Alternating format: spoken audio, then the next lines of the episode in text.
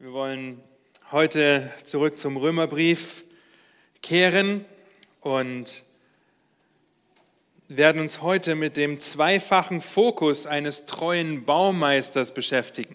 Ja, viele nehmen dieses Kapitel auch, um den Friedensstifter zu bezeichnen, aber wir nennen das heute der treue Baumeister und beide Begriffe würdet ihr in Römer 14, Vers 19 finden, wo es heißt, so lasst uns nun nach dem streben, was zum Frieden und zur gegenseitigen Erbauung dient.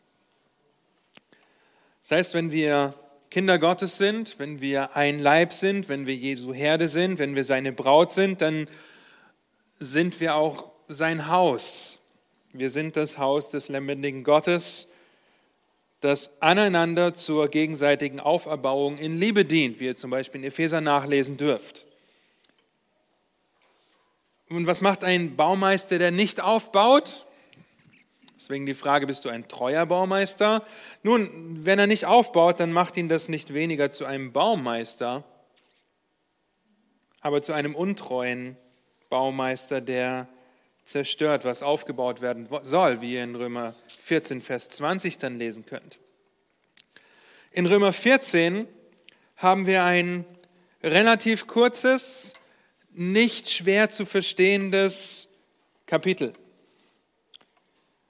Im Umgang miteinander als Geschwister ist es wahrscheinlich mit eines der wichtigsten Kapitel, die wir im Neuen Testament finden, da es uns genau diese Antwort gibt. Wie sollen wir denn miteinander umgehen?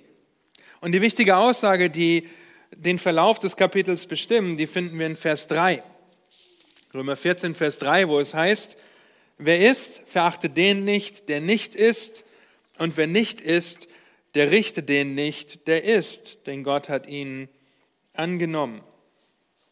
Also nicht verachten, nicht richten. Und das ist eine sehr starke Aussage. Die Frage, die wir uns unweigerlich stellen müssen, bevor wir in dieses Kapitel eintauchen, ist, sollen Christen einander richten? Sollen wir uns einander beurteilen. Und bevor ihr in Gedanken oder wie auch immer eine vorschnelle Antwort gebt, möchte ich euch ein Beispiel geben. Stellt euch vor, ich komme mit meiner Familie in den Gottesdienst. Meine kleine Tochter hat ein gebrochenes Bein im Gips. Meine große Tochter hat eine Platzwunde am Kopf. Meine Frau hat ein blaues Auge. Und bei mir sind die Knöchel aufgeplatzt und blau und rot. Nun, das ist ein sehr krasses Beispiel, aber wenn man der Statistik glauben mag, dann geht man davon aus, dass häusliche Gewalt alle 45 Minuten passiert. In einem deutschlandweit, dass alle 45 Minuten irgendwo ein, eine häusliche Gewalt mit ähm, physischen, auch mit körperlicher Gewalt einhergeht. Das heißt, es kann durchaus sein, ja, ich hoffe nicht, dass das der Fall ist. Und wenn das der Fall ist, dann stellt sich die Frage, laut Römer 14, habe ich das Recht, das zu richten? Habe ich eine Verantwortung, in diesem Fall zu handeln? Wäre es einfach nur angemessen, seinen Kopf zu senken und sich auf sich selbst zu konzentrieren? Ich hoffe, ihr sagt natürlich nicht. Denn Römer 13, Vers 10 sagt, die Liebe tut dem Nächsten nichts Böses. Und in diesem Fall hätte ich, wenn ich meiner Familie Leid zufüge, diesen Vers ignoriert, hätte lieblos gehandelt, hätte mich versündigt. Also wäre es angemessen, in so einem Fall etwas zu sagen und zu urteilen? Wäre es lieblos, nichts zu sagen? In so einem Fall wäre nicht zu urteilen oder nicht zu richten eine Sünde. Das heißt nicht, dass ihr zueinander geht, sondern dass ihr auf mich zukommt. Und wenn ihr herausfindet, dass ich wirklich meine Familie misshandelt habe, dass ihr hoffentlich meine Familie schützt, die Polizei ruft oder wie auch immer, es würde sich um Sünde handeln, wenn ich nicht richte. Mehr noch, es sollte euch zu gerechtem Zorn anspornen, so wie Paulus, wenn er den Korinthern gegenübertritt, wenn klar und deutlich gegen die Schrift gesündigt wird.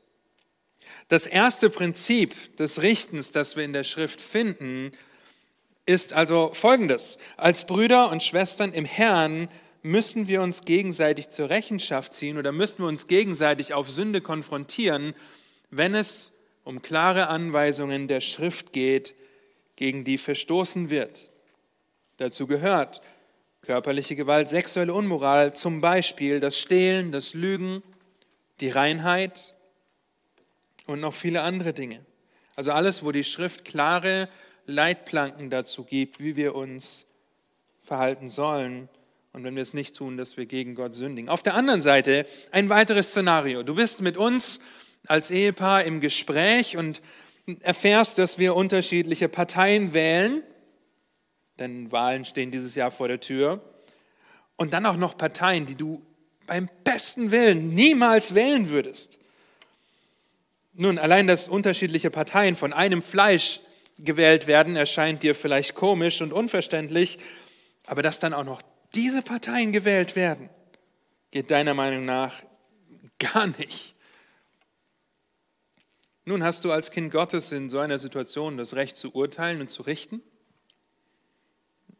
Nein, denn es verstößt nicht gegen einen klaren und direkten Befehl der Schrift. Es wird nicht in der Schrift gesagt, wen wir konkret wählen sollen.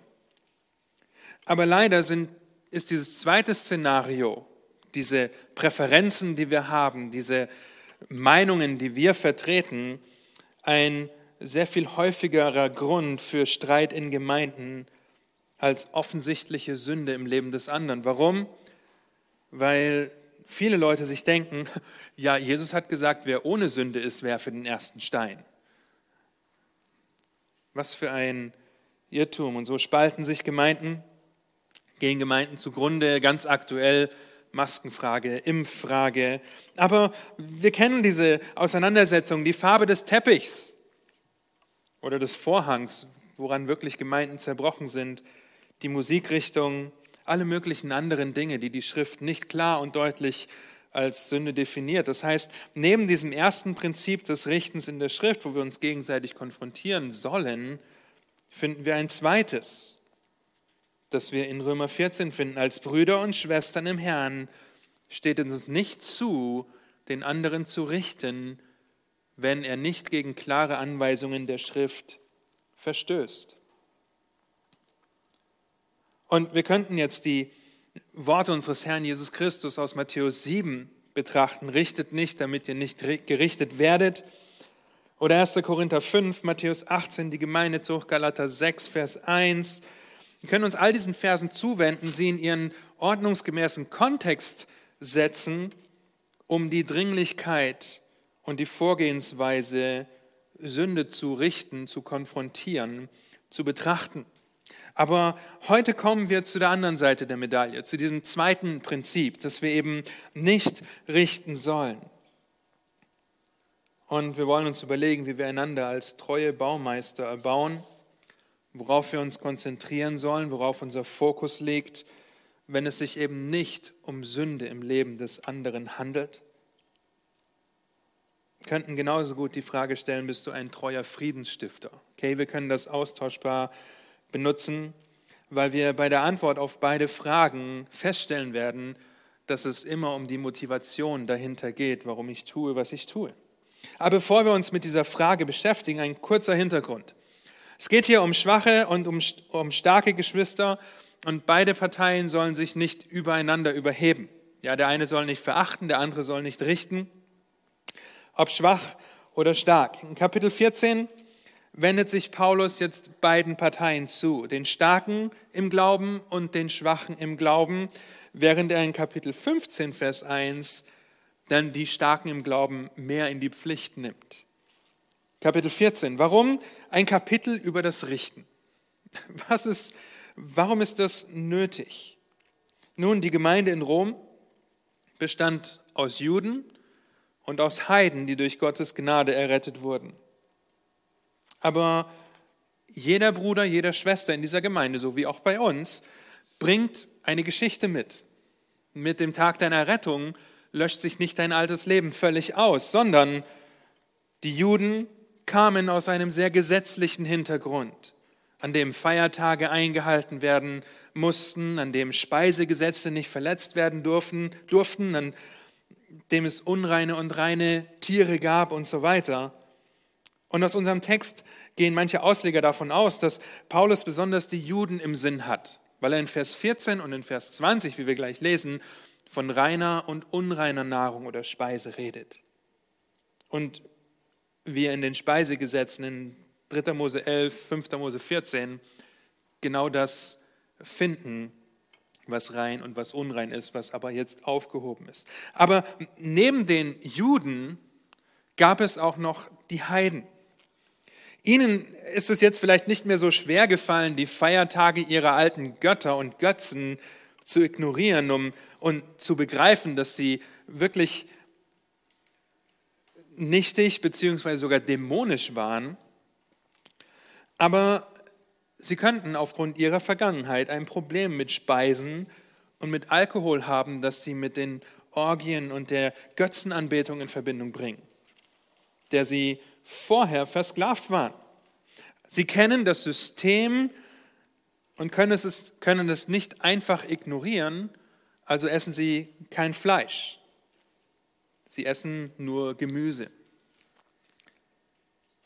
Und hier entsteht ein Gewissenskonflikt, den wir vielleicht schnell sehen können. Aber nicht nur dieser Konflikt zwischen den Juden, die aus dem Gesetz kommen, und den Römern, die aus dem ähm, Götzendienst kommen. Nein, jetzt mischen sich in diesen beiden Gruppen auch noch starke Gläubige und schwache Gläubige. Starke Gläubige, die verstanden haben, dass es nicht mehr um Feiertage geht, nicht mehr um unreines oder reines Fleisch, weil es das vor Gott nicht gibt. Schwache Gläubige hingegen sind bei dem Gedanken daran herausgefordert und würden aufgrund ihres Gewissens sündigen, wenn sie dieser Freiheit einfach nachgehen würden. Und in diesem Kontext schreibt Paulus, fordert er die Geschwister auf, Baumeister oder Friedensstifter zu sein, zu erbauen und keinen Anstoß zu geben. Und neben, erst, neben Römer 14 finden wir eine ähnliche Abhandlung in 1. Korinther 8, wo es um das Götzenopferfleisch geht. Und hier geht es um die Motivation, wie wir als Gemeinde oder wie die Geschwister in Rom damals als Gemeinde miteinander leben sollten. Und so wollen wir uns eine zweifache Motivation für treue Baumeister anschauen. Lasst uns den Text gemeinsam lesen, Römer 14, und achtet beim Lesen darauf, wie sich das Richten oder das Verurteilen durch das ganze Kapitel zieht. Römer Kapitel 14 ab Vers 1. Da heißt es, nehmt den Schwachen im Glauben an, ohne über Gewissensfragen zu streiten. Einer glaubt, alles essen zu dürfen, wer aber schwach ist, der isst Gemüse. Wer isst, verachte den nicht, der nicht isst, und wer nicht isst, richte den nicht, der isst, denn Gott hat ihn angenommen. Wer bist du, dass du den Hausknecht eines anderen richtest? Er steht oder fällt seinem eigenen Herrn. Er wird aber aufrecht gehalten werden, denn Gott vermag ihn aufrecht zu erhalten. Dieser hält einen Tag höher als den anderen, jener hält alle Tage gleich. Jeder ist sich seiner Meinung gewiss. Wer auf den Tag achtet, der achtet darauf für den Herrn, und wer nicht darauf achtet, der achtet nicht darauf für den Herrn. Wer isst, der ist für den Herrn, denn er dankt Gott. Und wer nicht isst, der enthält sich der Speise für den Herrn und dankt Gott auch. Denn keiner von uns lebt sich selbst und keiner stirbt sich selbst. Denn leben wir, so leben wir dem Herrn und sterben wir, so sterben wir dem Herrn. Ob wir nun leben oder sterben, wir gehören dem Herrn. Denn dazu ist Christus auch gestorben und auferstanden und wieder lebendig geworden, dass er sowohl über Tote als auch über, lebendig, über Lebende Herr sei. Du aber, was richtest du deinen Bruder? Oder du, was verachtest du deinen Bruder? Wir werden ja alle vor dem Richterstuhl des Christus erscheinen, denn es steht geschrieben, so wahr ich lebe, spricht der Herr, mir soll sich jedes Knie beugen und jede Zunge wird Gott bekennen. So wird also jeder von uns für sich selbst Gott Rechenschaft geben. Darum lasst uns nicht mehr einander richten, sondern das richtet vielmehr, dass dem Bruder weder ein Anstoß noch ein Ärgernis in den Weg gestellt wird.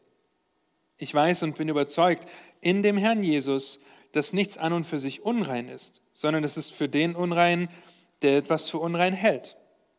Wenn aber dein Bruder um einer Speise willen betrübt wird, so wandelst du nicht mehr gemäß der Liebe. Verdirb mit deiner Speise nicht denjenigen, für den Christus gestorben ist. So soll nun euer Bestes nicht verlästert werden, denn das Reich Gottes ist nicht Essen und Trinken, sondern Gerechtigkeit, Frieden und Freude im Heiligen Geist. Wer darin Christus dient, der ist Gott wohlgefällig und auch von den Menschen geschätzt.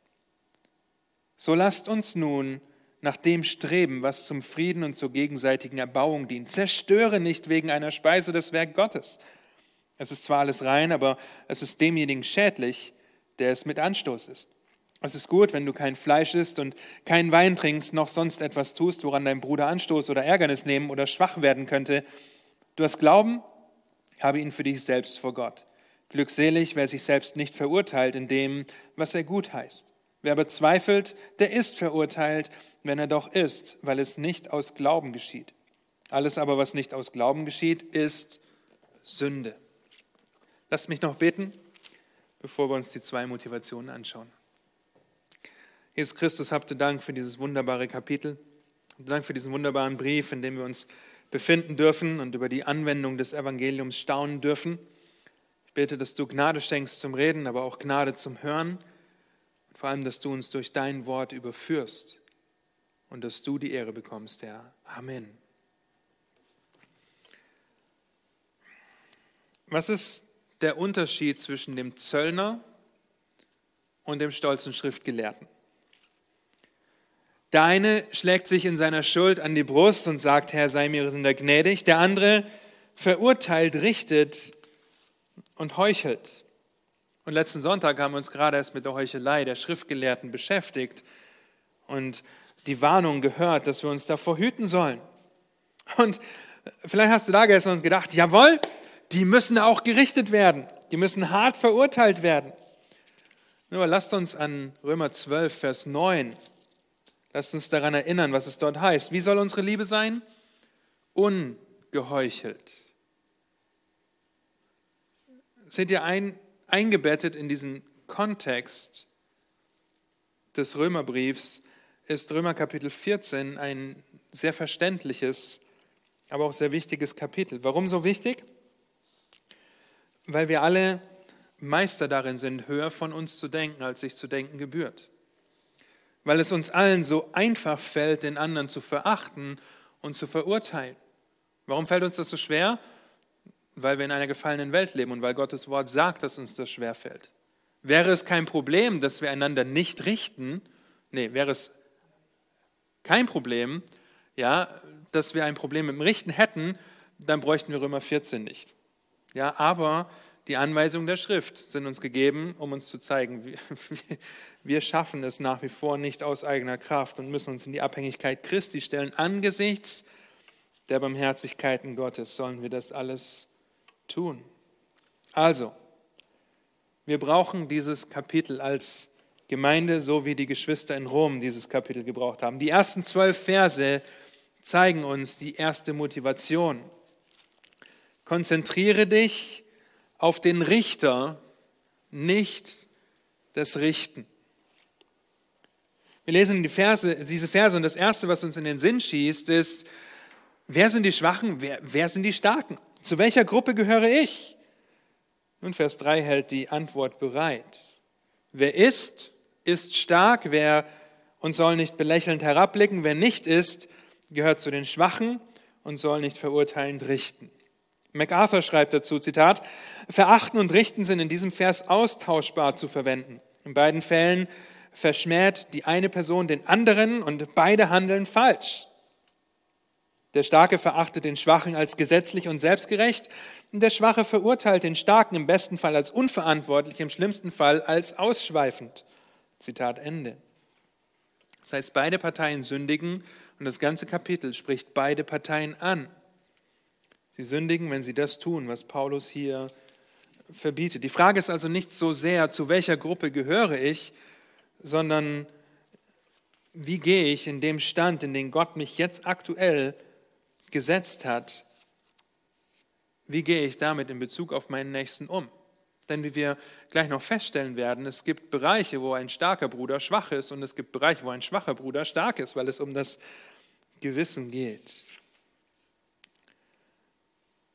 Wenn ich mich auf das Richten konzentriere und das Verurteilen konzentriere, dann hält mich das automatisch davon ab, mich auf Gott zu konzentrieren, auf den Richter. Und das machen die folgenden Verse deutlich. Wem dienst du, wenn du richtest? In den Versen 5 und 6. 4 bis 6, Entschuldigung. Wem dienen wir, wenn wir richten? Zusammengefasst werden wir, wenn wir uns über den anderen erheben, auf ihn herabschauen, werden streiten, werden verachten, werden selbstgerecht sein und einer Sache dienen, nämlich meiner Sache dienen. Mit anderen Worten, selbstgerechte Gesetzlichkeit, von der Paulus schon in Römer 2, Vers 1 spricht, wenn er die moralischen anspricht, dass sie das Evangelium brauchen. Einige von euch kennen die Fernsehserie Downton Abbey. In Downton Abbey geht es um ein Anwesen. Ah, Downton Abbey ist das Anwesen. Viele Angestellte, Lords und Ladies und so weiter. Und diese vielen Angestellten, einer zeichnet sich heraus. Dieser Angestellte verbringt die meiste Zeit damit, seine Kollegen anzuschwärzen, sich selbst zu profilieren, die anderen zu verachten, zu verurteilen. Das Essen ist zu salzig, so kannst du nicht kochen, das Hemd ist nicht gut genug gebügelt, der Weihnachtsbaum nicht gut genug geschmückt, wie auch immer. Nun, was, was vergisst dieser Mann beständig dabei? Er vergisst, wem er und seine Kollegen dienen. Sie dienen nämlich alle dem einen Hausherren. Nun, Paulus macht hier einen deutlichen Punkt. Wenn du den Hausknecht, in dem Fall den anderen, richtest, dann vergisst du, wer die Anweisungen gibt. Der Hausherr, er mag sein Essen salzig. Es stört ihn nicht, wenn er ein ungebügeltes Hemd unter der Weste und dem Jackett trägt und so weiter. Es stört ihn nicht. Das heißt, wenn du, wenn du richtest und verurteilst, dann verlieren wir die Tatsache aus den Augen, dass es um den Herrn geht, um den Dienst am Herrn. Denn der Herr hält aufrecht. Wenn ihr ein paar Seiten zurückblättert zu Römer 6, da heißt es in Vers 18, nachdem ihr aber von der Sünde befreit wurdet, seid ihr der Gerechtigkeit dienstbar geworden. Sklaven der Gerechtigkeit, Sklaven Jesu. Ein paar Seiten weiter in Römer 8, Vers 14 heißt es, denn alle, die durch den Geist Gottes geleitet werden, die sind Söhne Gottes. Sklaven, Söhne. Und in Römer 8 kennen wir die rhetorischen Fragen am Ende. Wo es heißt, ist Gott für uns, wer kann gegen uns sein? Oder wer will gegen die Auserwählten Gottes Wasser heben? Anklage. Was ist die nächste Frage? Wer will verurteilen? Und die letzte Frage, wer will uns scheiden von der Liebe des Christus?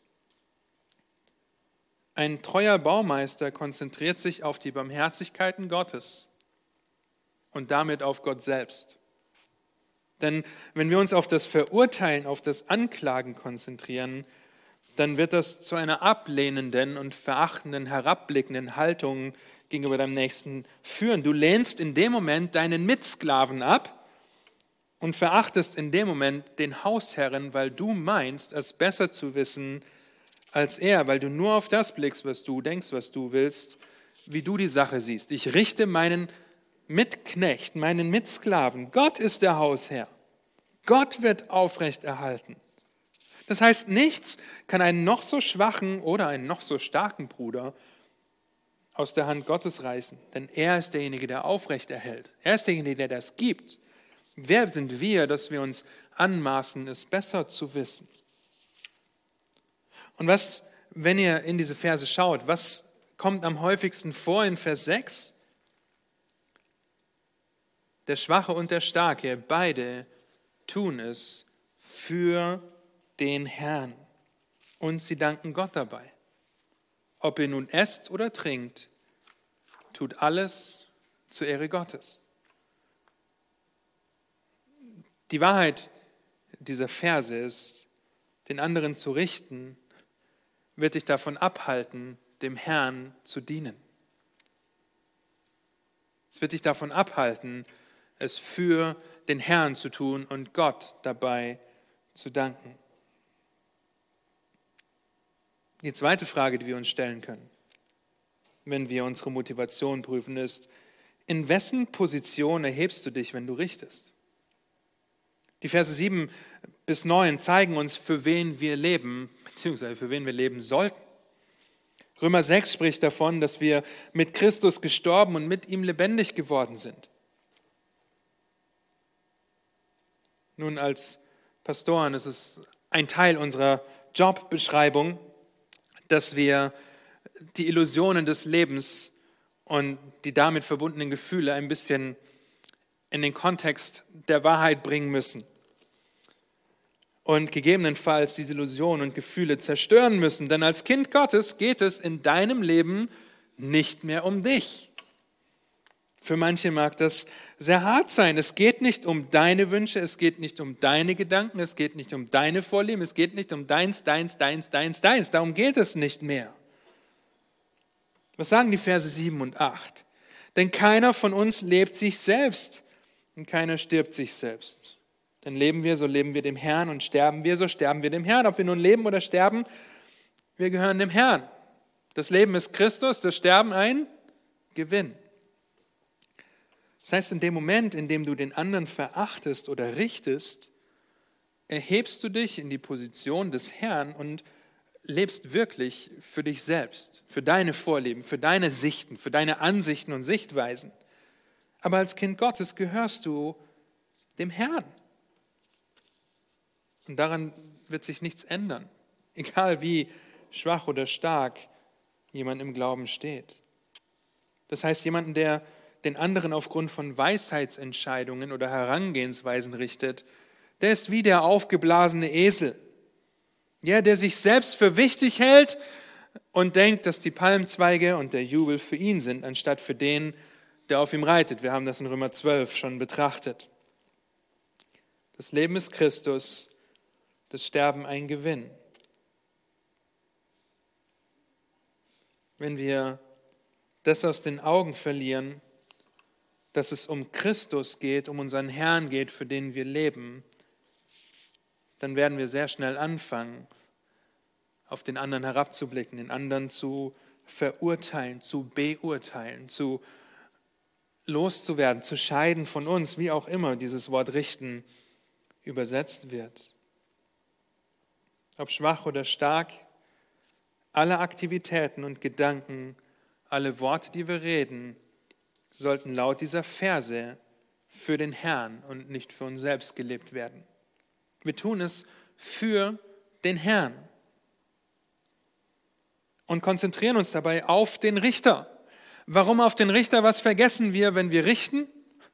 Vers 10 bis 12, dass wir alle vor dem Richterstuhl Christi erscheinen. Hier ist es wichtig zu verstehen, dass Paulus an die Geschwister in Rom schreibt. Denn das griechische Wort, was für Richterstuhl hier steht, ist das Wort Bema. Es ist nicht der große weiße Thron, vor dem alle Ungläubigen erscheinen, sondern es ist das Preisgericht, vor dem alle Gläubigen erscheinen. Deswegen rennt er sich ganz gezielt an die gläubigen Geschwister in Rom, wenn er diese Verse schreibt. Es ist der Bema-Stuhl, das Preisgericht im Griechischen, was ihr auch in 2. Korinther 5 findet. Es ist das Preisgericht, an dem der gerechte Richter Jesus Christus die Gläubigen dafür entlohnt, was sie alles für den Herrn getan haben. Für die einen werden durch Stoppeln und Stroh, das wird verbrennen, das andere wird wie Gold und Schätze bestehen bleiben.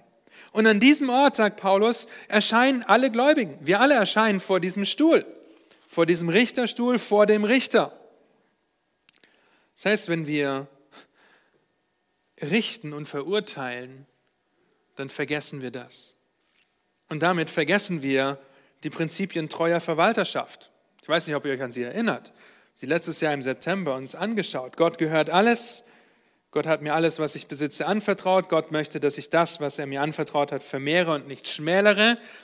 Und das letzte Prinzip, Gott kann jederzeit Rechenschaft von mir fordern. Es könnte heute sein.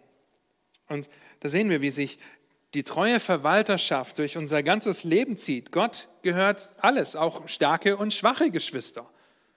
Die Gemeinschaft, die ich mit euch haben darf, die Gemeinde, in die Gott uns gestellt hat, wer hat sie uns anvertraut? Gott hat sie uns anvertraut. Und er möchte, dass ich nicht verachte, dass ich nicht richte, sondern dass ich vermehre und aufbaue, was er mir anvertraut hat. Gesetzt den Fall, es handelt, es, nicht, es handelt sich nicht um Sünde gegen Gott. Ich soll vermehren und aufbauen, was er mir anvertraut hat. Darauf gehen auch die verbleibenden Verse des Kapitels gleich noch ein.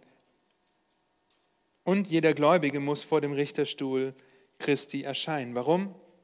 Vers 12, weil Gott jederzeit von uns Rechenschaft fordern kann. Und dann, was steht hier? So wird also jeder von uns für sich selbst Gott Rechenschaft geben.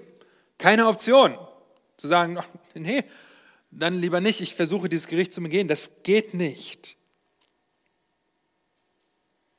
Und im Kontext der schwachen und starken Geschwister in Rom schreibt Paulus Vers 11 und zeigt auf, warum wir Rechenschaft vor dem Richterstuhl Christi ablegen müssen. Und er zitiert Jesaja 45, Vers 23 und sagt: Von mir soll sich jedes Knie beugen und jede Zunge wird Gott bekennen. Nun, wir wissen aus Philippa 2, dass sich das auch auf Ungläubige erstreckt. Aber konzentrieren wir uns auf den Richter oder konzentrieren wir uns auf das Richten? Das ist ein großer Unterschied. Wenn ihr Kapitel 12 in dem Sinn habt, dann sagt Gott, mein ist die Rache, ich will vergelten, ich will richten. Spricht wer? Spricht der Herr. Ein treuer Baumeister der den anderen in der Gemeinde erbauen will, prüft sich regelmäßig anhand dieser Verse und richtet seinen Blick immer wieder neu auf diese Verse aus und auf den aus, vor dem er Rechenschaft ablegen muss. Er konzentriert sich auf den Richter, nicht auf das Richten. Wir konzentrieren uns auf den Herrn und nicht auf unseren Mitknecht, wenn es darum geht, für wen wir eine Sache tun oder warum wir denken, dass eine Sache so getan werden sollte.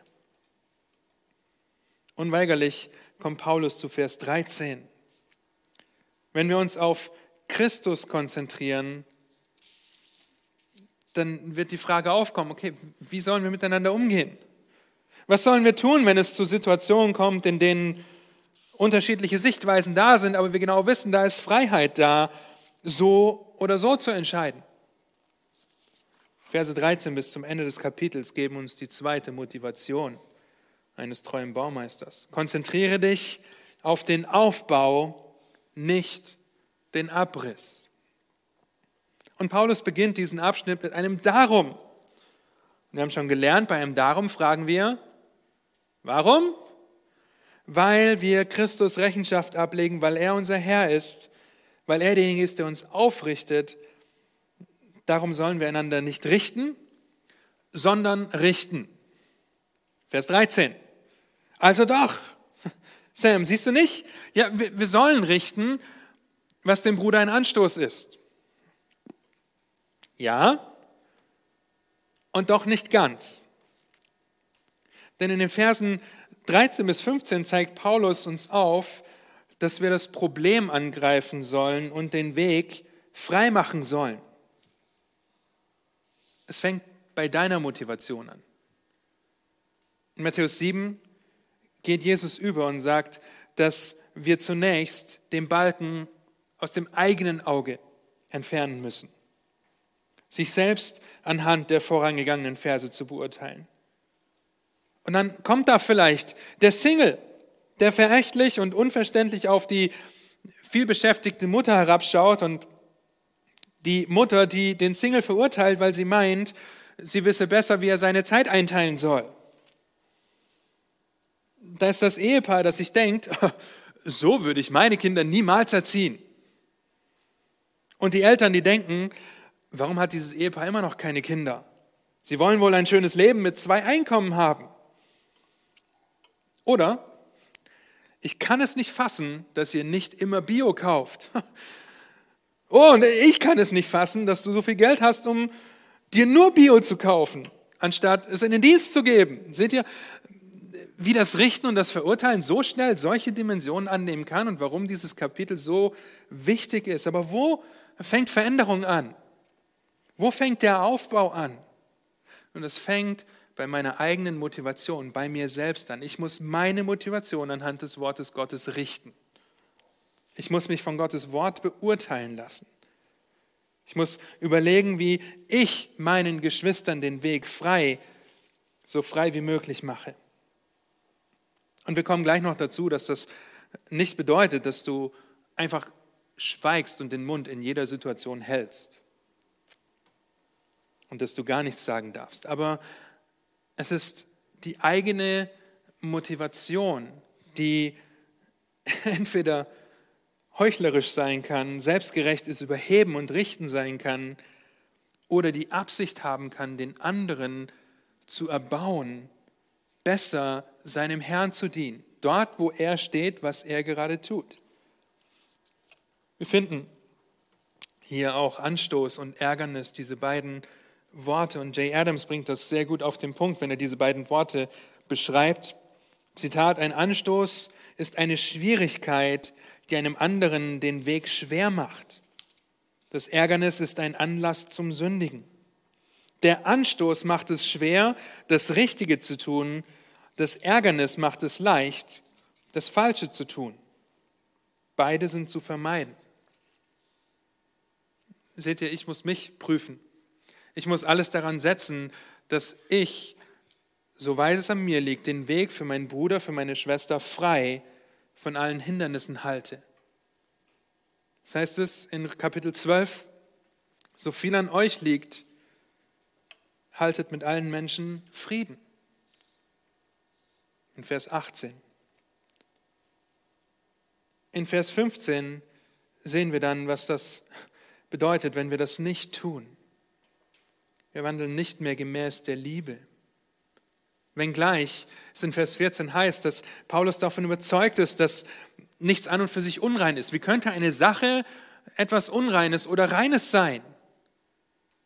Unser Herz, unser Verstand, unser Mensch, wir sind gefallen. Wir sind die, die daraus eine unreine oder reine Sache machen. Aber Paulus sagt eindeutig, im Herrn Jesus Christus ist nichts an und für sich unrein.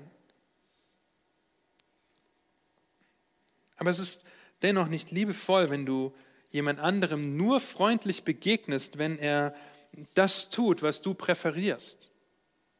So entstehen Spaltungen in Gemeinden.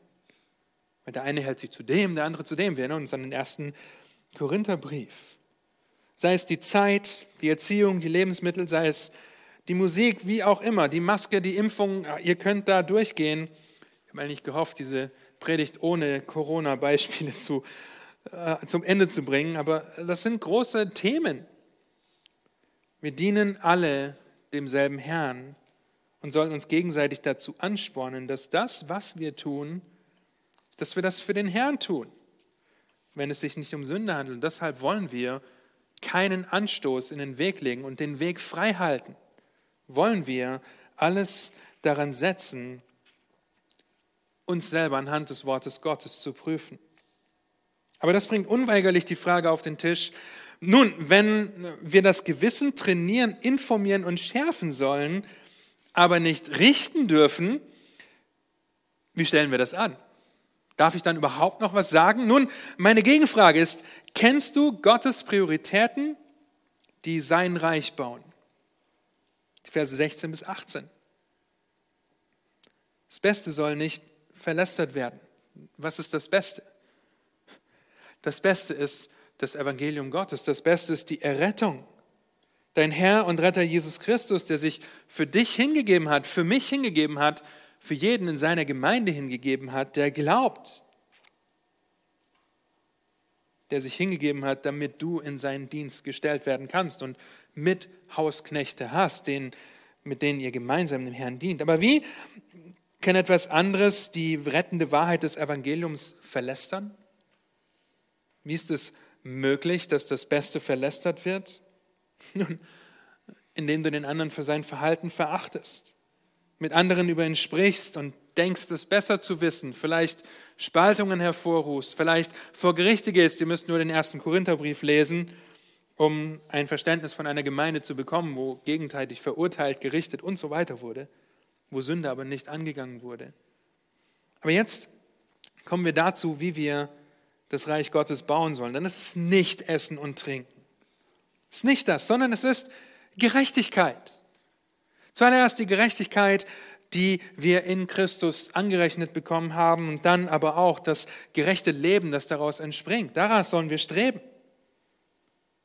Wir konzentrieren uns auf Friede und auf Freude im Heiligen Geist. Wir konzentrieren uns auf die Frucht des Geistes. Auf den Heiligen Geist, mit dem wir versiegelt worden sind. Dann dienst du Christus und wirst geschätzt, heißt es in Vers 18. Nun, wie kann das gehen? Was bedeutet das praktisch? dass meine Motivation, etwas anzusprechen, die Erbauung des anderen im Sinn haben muss. Wie kann das gehen, wenn ich denke, dass das Gewissen falsch informiert ist? Wenn ich denke, oh, das ist, da muss diese, dieser Bruder, diese Schwester noch lernen und zugerüstet werden. Und wie kann das gehen, wenn ich denke, dass das Gewissen falsch informiert ist? Dass es sich um falsche Dinge dreht oder ich vielleicht auf der anderen Seite sogar denke, es ist verkehrt, so viel Freiheit sich rauszunehmen? Stelle Fragen. Gehe direkt zu dieser Person hin und stelle Fragen, die du dir vorher überlegt hast, die dir dabei helfen, die Motivation des anderen zu verstehen. Denn zurückblickend sagen wir, wir tun, egal was wir tun, für den Herrn. Stelle Fragen, die dir dabei helfen, die Motivation zu verstehen, damit du die andere Person, dein Bruder oder deine Schwester, in seinem geistlichen Wachstum unterstützen kannst. Nehmen wir die Stillen und die Lauten in der Gemeinde. Heute würden wir wahrscheinlich sagen, die Introvertierten und die Extrovertierten. Oh, wie schnell können sich diese zwei Gruppen gegenseitig richten, oder? Ja, da sind, die sind viel zu laut, die, sind viel, die sagen nie was, die sagen ständig was. Ihr Lieben, es geht so schnell, sich gegenseitig zu richten, wenn die Motivation dahinter nicht erforscht wird. Finde heraus, warum der andere so still ist. Was ihn dazu bewegt. Und er wird dir sagen, ich habe gelernt, dass ich nur auf ganz gezielte Fragen, wenn ich gefragt werde, reagieren möchte, weil das respektvoll dem anderen gegenüber ist und weil ich soll Gott lieben und meinen Nächsten lieben. Und für mich bedeutet das, ich fange nur an zu reden, wenn ich direkt angesprochen werde. Okay, es kann genauso gut sein, dass es Menschenfurcht ist, aber dann bist du da, dass du dem anderen hilfst, zu lernen, Buße zu tun von der Menschenfurcht. Durch Fragen finde heraus, was die Motivation ist, dass der andere ständig im Trubel sein muss. Dass ständig was um ihn los sein muss, was ihn dazu bewegt. Und ich würde sagen, weißt du, ich habe so ein Herz für die Geschwister oder für, für die Menschen um mich herum, dass ich jede Möglichkeit wahrnehmen möchte, das Evangelium reinzubringen, von Christus zu reden, sie erbauen möchte im Glauben oder sagen, ich habe den Wunsch nach Anerkennung, aber du kannst es nicht wissen, ohne die Motivation herausgefunden zu haben, indem du gute Fragen stellst, indem du darüber nachdenkst, durch das Erfragen, indem du darüber nachdenkst, wie du deinen Bruder oder deine Schwester fördern kannst dem Herrn zu dienen, ihn groß zu machen. Darauf sollen wir uns, darauf wollen wir uns konzentrieren, auf die Priorität, Gottes Gerechtigkeit, seinen Frieden, die Freude im Heiligen Geist groß zu machen, weil das wird Christus dienen. Wer darin Christus dient, heißt es in Vers 18, der ist Gott wohlgefällig und auch von den Menschen geschätzt, besonders von den Geschwistern. Zurück zum allerersten Beispiel. Ihr kommt in die Gemeinde, oder ich komme in die Gemeinde, meine Hände sind äh, übersät mit Schramm und so weiter. Ihr kommt alle auf mich zu, sagt, was ist, was ist passiert? Nun, ich sage euch, ich bin wirklich wütend geworden und ich habe mich vergriffen, dann leitet Gemeindezucht ein, lasst mich nicht mehr auf die Kanzel, bis das geklärt ist, schützt meine Familie von mir, aber es kann genauso gut sein, weißt du, gestern Abend sind Einbrecher in unsere Wohnung gekommen. Und ich habe alles dran gesetzt, sie zu vertreiben und es ist mir auch gelungen. Aber es ist mir erst gelungen, nachdem sie meine Frau geschlagen haben, nachdem sie meine Kinder geschlagen haben. Und schon sieht das Ganze in einem anderen Licht aus und du überlegst dir, wie du mir anders dienen kannst als vorher. Ja, aber es wäre falsch, zu einem anderen hinzugehen und hast du Sams Hände gesehen und hast du die Familie gesehen? Nein, ihr müsst auf mich zukommen. Wer es hat zuerst gesehen, der muss stracks zum Bruder gehen. Aber richtet nicht vorschnell, sondern erforscht durch gute Fragen. Nun, als ich 2007 mein Praktikum hier gemacht habe, einige können sich noch daran erinnern, weil sie da schon da waren, ähm, quasi der Startschuss für unsere Zeit in der BGB. 2007, da haben Carrie und Dieter und Pascal war Ältestenanwärter, haben mich dazu ermutigt, eine Box mit in den Gottesdienst zu bringen. Das Cajon. Nun, gerade Percussion-Instrumente und Schlagzeug, große Kontroverse, ja, in Gemeinden heute. Einige Geschwister haben Anstoß daran genommen. Geschwister sind gar weggeblieben von der Gemeinde. Aber heißt das, dass ich jetzt um dieser Geschwister willen komplett darauf verzichten muss? Jein. Okay, wenn es keine Möglichkeit gibt, den anderen aufzubauen, ihn zu belehren, in Frieden zu halten, dann wäre es eine wertvolle Möglichkeit oder wäre es eine liebevolle Möglichkeit zu sagen, okay, wir nehmen das zurück oder wir machen das sehr viel weniger, weil wir euch als Geschwister nicht verlieren, wir wollen es schätzen. Aber Karen und Dieter haben einige Geschwister dazu ermutigt, die herausgefordert waren, einfach weiterzukommen und während des Singens draußen im Foyer mitzusingen, weil die Instrumente werden übertragen, außer das Cajon. Seht ihr, es ging hier nicht um schwarz oder weiß, sondern es ging um ein Abwägen, um ein Erbauen und den Frieden zu halten. Und das kann in unterschiedlichen Situationen sehr, sehr unterschiedlich aussehen, wenn es sich nicht um eindeutige Sünde gegen die Schrift handelt. Das heißt, sind wir bereit, um unserer Geschwister willen uns zurückzunehmen? Sind wir bereit, uns so zurückzunehmen, dass wir sie höher achten als uns? Und das sehen wir in den Versen 19 bis 21. Vers 19 ist der Schlüsselvers. Strebe danach, eifrig die Erbauung und den Frieden deiner Geschwister zu suchen. Und das Wort Streben ist ein sehr starkes Wort. Es wird an anderen Stellen für die Verfolgung von Christen benutzt. Es ist ein ernsthaftes in Bewegung setzen, in eine Richtung marschieren und sich dabei zu beeilen mit einem Ziel vor Augen. Strebe danach, eifere dafür, mache dich auf, ein Friedensstifter und Baumeister zu sein. Und das hat unterschiedlichste Facetten, so unterschiedlich wie wir als Geschwister sind. Es ist klar, dass wir die Wahrheit verkündigen aber für dich kann das ganz anders angewandt werden in deinem Leben als für mich. Und so ist unser Ziel nicht, ihr müsst alle so werden wie Sam. Nein, wir sollen alle mehr und mehr in das Bild unseres Herrn verwandelt werden. Und Gott benutzt Umstände, Situationen, unser Gewissen dazu, uns ihm ähnlicher zu machen. Und wir sollen einander dabei eifrig erbauen. Nun, ich hoffe, ihr versteht den Unterschied zwischen dem Richten der Sünde und dem Richten, das wir nicht tun sollen. Und ich hoffe, dass das Aufbauen und nicht das Abreißen genauso motivierend ist für dich wie, für mich. In den letzten Versen geht Paulus noch einmal auf die Schwachen und auf die Starken im Glauben ein und beendet somit das Kapitel, bevor er die Starken und die Hoffnung in Christus in den Blick nimmt. In den letzten beiden Versen sehen wir, dass es wichtig ist, das Gewissen anzuerkennen. Diesen Kompass, der, nachdem wir Entscheidungen ausrichten, anzuerkennen. In Vers 22 spricht Paulus die Starken an. Du hast verstanden, dass du Freiheit hast, Alkohol zu trinken und alles zu essen? Sehr gut, sehr gut. Du legst eines Tages Rechenschaft dafür ab. Deshalb habe diese Freiheit vor Gott und nicht vor Menschen. Deshalb habe diese Freiheit vor Gott, aber zwinge niemanden dazu, es genauso zu machen wie du selbst. Du legst Gott Rechenschaft ab. In Vers 23 den Schwachen. Du hast diese Freiheit nicht, das ist ein schlechtes Gewissen dabei, Alkohol zu trinken und machst es deshalb nicht. Sehr gut, sagt er. Tue es deshalb nicht. Zwinge dich nicht selbst dazu, dein Gewissen zu verletzen. Denn wenn du in Fragen, die nicht klar und deutlich von der Schrift her als Sünde definiert werden, dein Gewissen ignorierst, sündigst du gegen Gott. Meine Motivation sollte es sein, Gott zu dienen.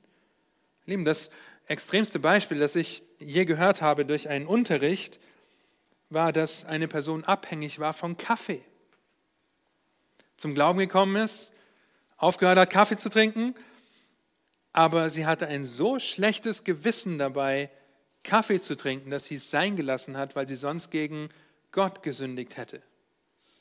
Einige von euch können ohne Kaffee nicht leben. Die stellen sich, wie soll das gehen?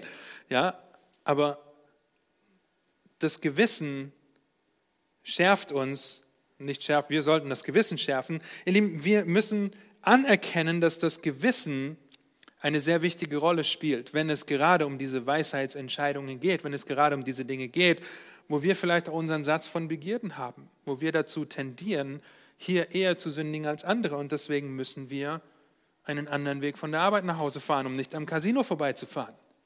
Ein anderer denkt, wie kann das sein? Ja, nun ist Spielsucht eine Sünde, aber jemand anders muss einen anderen Weg nach Hause fahren, um nicht an seinem Lieblingssupermarkt vorbeizukommen, um sich irgendwas zwischen die Kiemen zu schieben. Ja, ihr Lieben, wir müssen verstehen, dass das Gewissen eine wichtige Rolle spielt, wenn es nicht um biblisch definierte Sünde geht. Wenn du daran zweifelst, etwas zu tun, bei dem die Schrift Freiheit geben würde, tu es nicht. Das ist das, was dieser Text sagt. Auf der anderen Seite sitze aber auch nicht passiv rum und denke, ich höre nur auf mein Gewissen. Das wäre die gleiche Lüge, äh, zu sagen, ich höre auf mein Herz. Okay? Auf keinen Fall, bitte nicht, denn das Gewissen und kann und wird zu 100 Prozent falsch definiert sein, falsch informiert sein, wie wir es in Römer 3 lesen, weil alle Bereiche der Schöpfung gefallen sind. Weil alles gefallen ist. Mein Gewissen ist gefallen, mein Verstand, mein, meine Emotionen, alles ist gefallen. Das heißt, wenn du in einem Gewissenskonflikt stehst, handle nicht gegen dein Gewissen, studiere aber die Schrift, lerne, was Gottes Wort sagt und wenn es sein muss, such dir Hilfe. Denken wir zurück an Römer 12, Vers 1 und 2. Die Grundlage für die verbleibenden Verse im Römerbrief. In Vers 2 heißt es, und passt euch nicht diesen Weltlauf an, sondern werdet erneuert durch die, verwandelt durch die Erneuerung eures Sinnes, damit ihr prüfen könnt, was der gute und wohlgefällige und vollkommene Wille Gottes ist. Und wir haben damals schon gesehen, wenn ich mich nicht der Kraft aussetze, die meine Ersinnung erneu Gesinnung erneuert, dann passe ich mich automatisch dem Weltlauf an. Das heißt, wenn ich mein Gewissen nicht anhand der Wahrheit informiere und schärfe und in meinem Verständnis der Anwendung dessen wachse, irgendwann lerne, oh, ich kann einen Schluck Kaffee wieder trinken, ohne dass es Sünde ist. Ich tue es für den Herrn. Wir müssen unsere Gesinnung erneuern. Wenn wir das nicht tun, dann passen wir uns diesem Weltlauf an. Wenn wir das nicht tun und uns nur nach unserem Gewissen ausrichten, dann werden wir gesetzlich werden. Weil dann gibt es nur noch, tu das, tu das nicht. Das kannst du machen, das kannst du nicht machen. Wir müssen uns von Gottes Wort informieren lassen und unser Gewissen schärfen diesen Kompass ausrichten auf das, was uns den Weg weist. Und das ist die Schrift und die Schrift allein. Wir können uns und wir sollen uns dabei helfen, denn wir sollen uns erbauen, wir sollen uns anspornen und ermutigen. Die zweifache Motivation eines treuen Baumeisters. Er konzentriert sich auf den Retter oder Richter, äh, Richter und auf das Aufbauen. Die Frage ist, bist du ein treuer Baumeister? Welche Wahrheiten dieser Verse kennzeichnen dein Leben, kennzeichnen mein Leben? Ist dein erster Gedanke an einen Bruder oder eine Schwester der, wie du ihn aufbauen kannst, wie du ihn geistlich weiterbringen kannst durch gute Fragen, durch Ermutigung? Oder gehen dir permanent folgende Gedanken durch den Kopf? Wie kann der nur? Warum macht er das? Was fällt ihm ein? Oder, ah, ist doch nicht so schlimm das zu machen. Überwinde dich. Der andere muss aber damit klarkommen. Ich soll jetzt wirklich Rücksicht nehmen? Ihr merkt, wie schnell wir in der Kategorie sind und warum dieses Kapitel so wichtig für unseren Umgang miteinander ist. Lasst uns eifrig bemüht sein, lasst uns danach streben, den anderen nicht zu zerstören, indem wir ihn richten und verurteilen, sondern ihn als treue Baumeister, als Mitsklaven, als Mitsöhne und Töchter aufbauen, den Frieden zu fördern, damit Gott dadurch geehrt wird, Gott groß gemacht wird, weil das Christus dient, wenn wir das tun. Bist du ein treuer Baumeister? Amen. Lass mich noch beten. Herr, und dein Wort ist Wahrheit, dein Wort überführt, dein Wort heiligt uns, dein Wort ist schärfer als ein zweischneidiges Schwert, dein Wort ist nützlich zur Belehrung und Überführung, zur Erziehung in der Gerechtigkeit. Und so bete ich, dass wir darüber nachdenken, dass wir zu diesen Versen zurückgehen, sie studieren, sie leben, einander nicht zu richten, sondern zu erbauen. Gibt uns offene Augen füreinander, gibt uns ein liebevolles, friedfertiges Herz füreinander, dass wir den anderen höher achten als uns selbst, den anderen nicht verurteilen, wenn es sich nicht um Sünde gegen dich handelt, Herr. Schenk du Gnade dazu. Amen.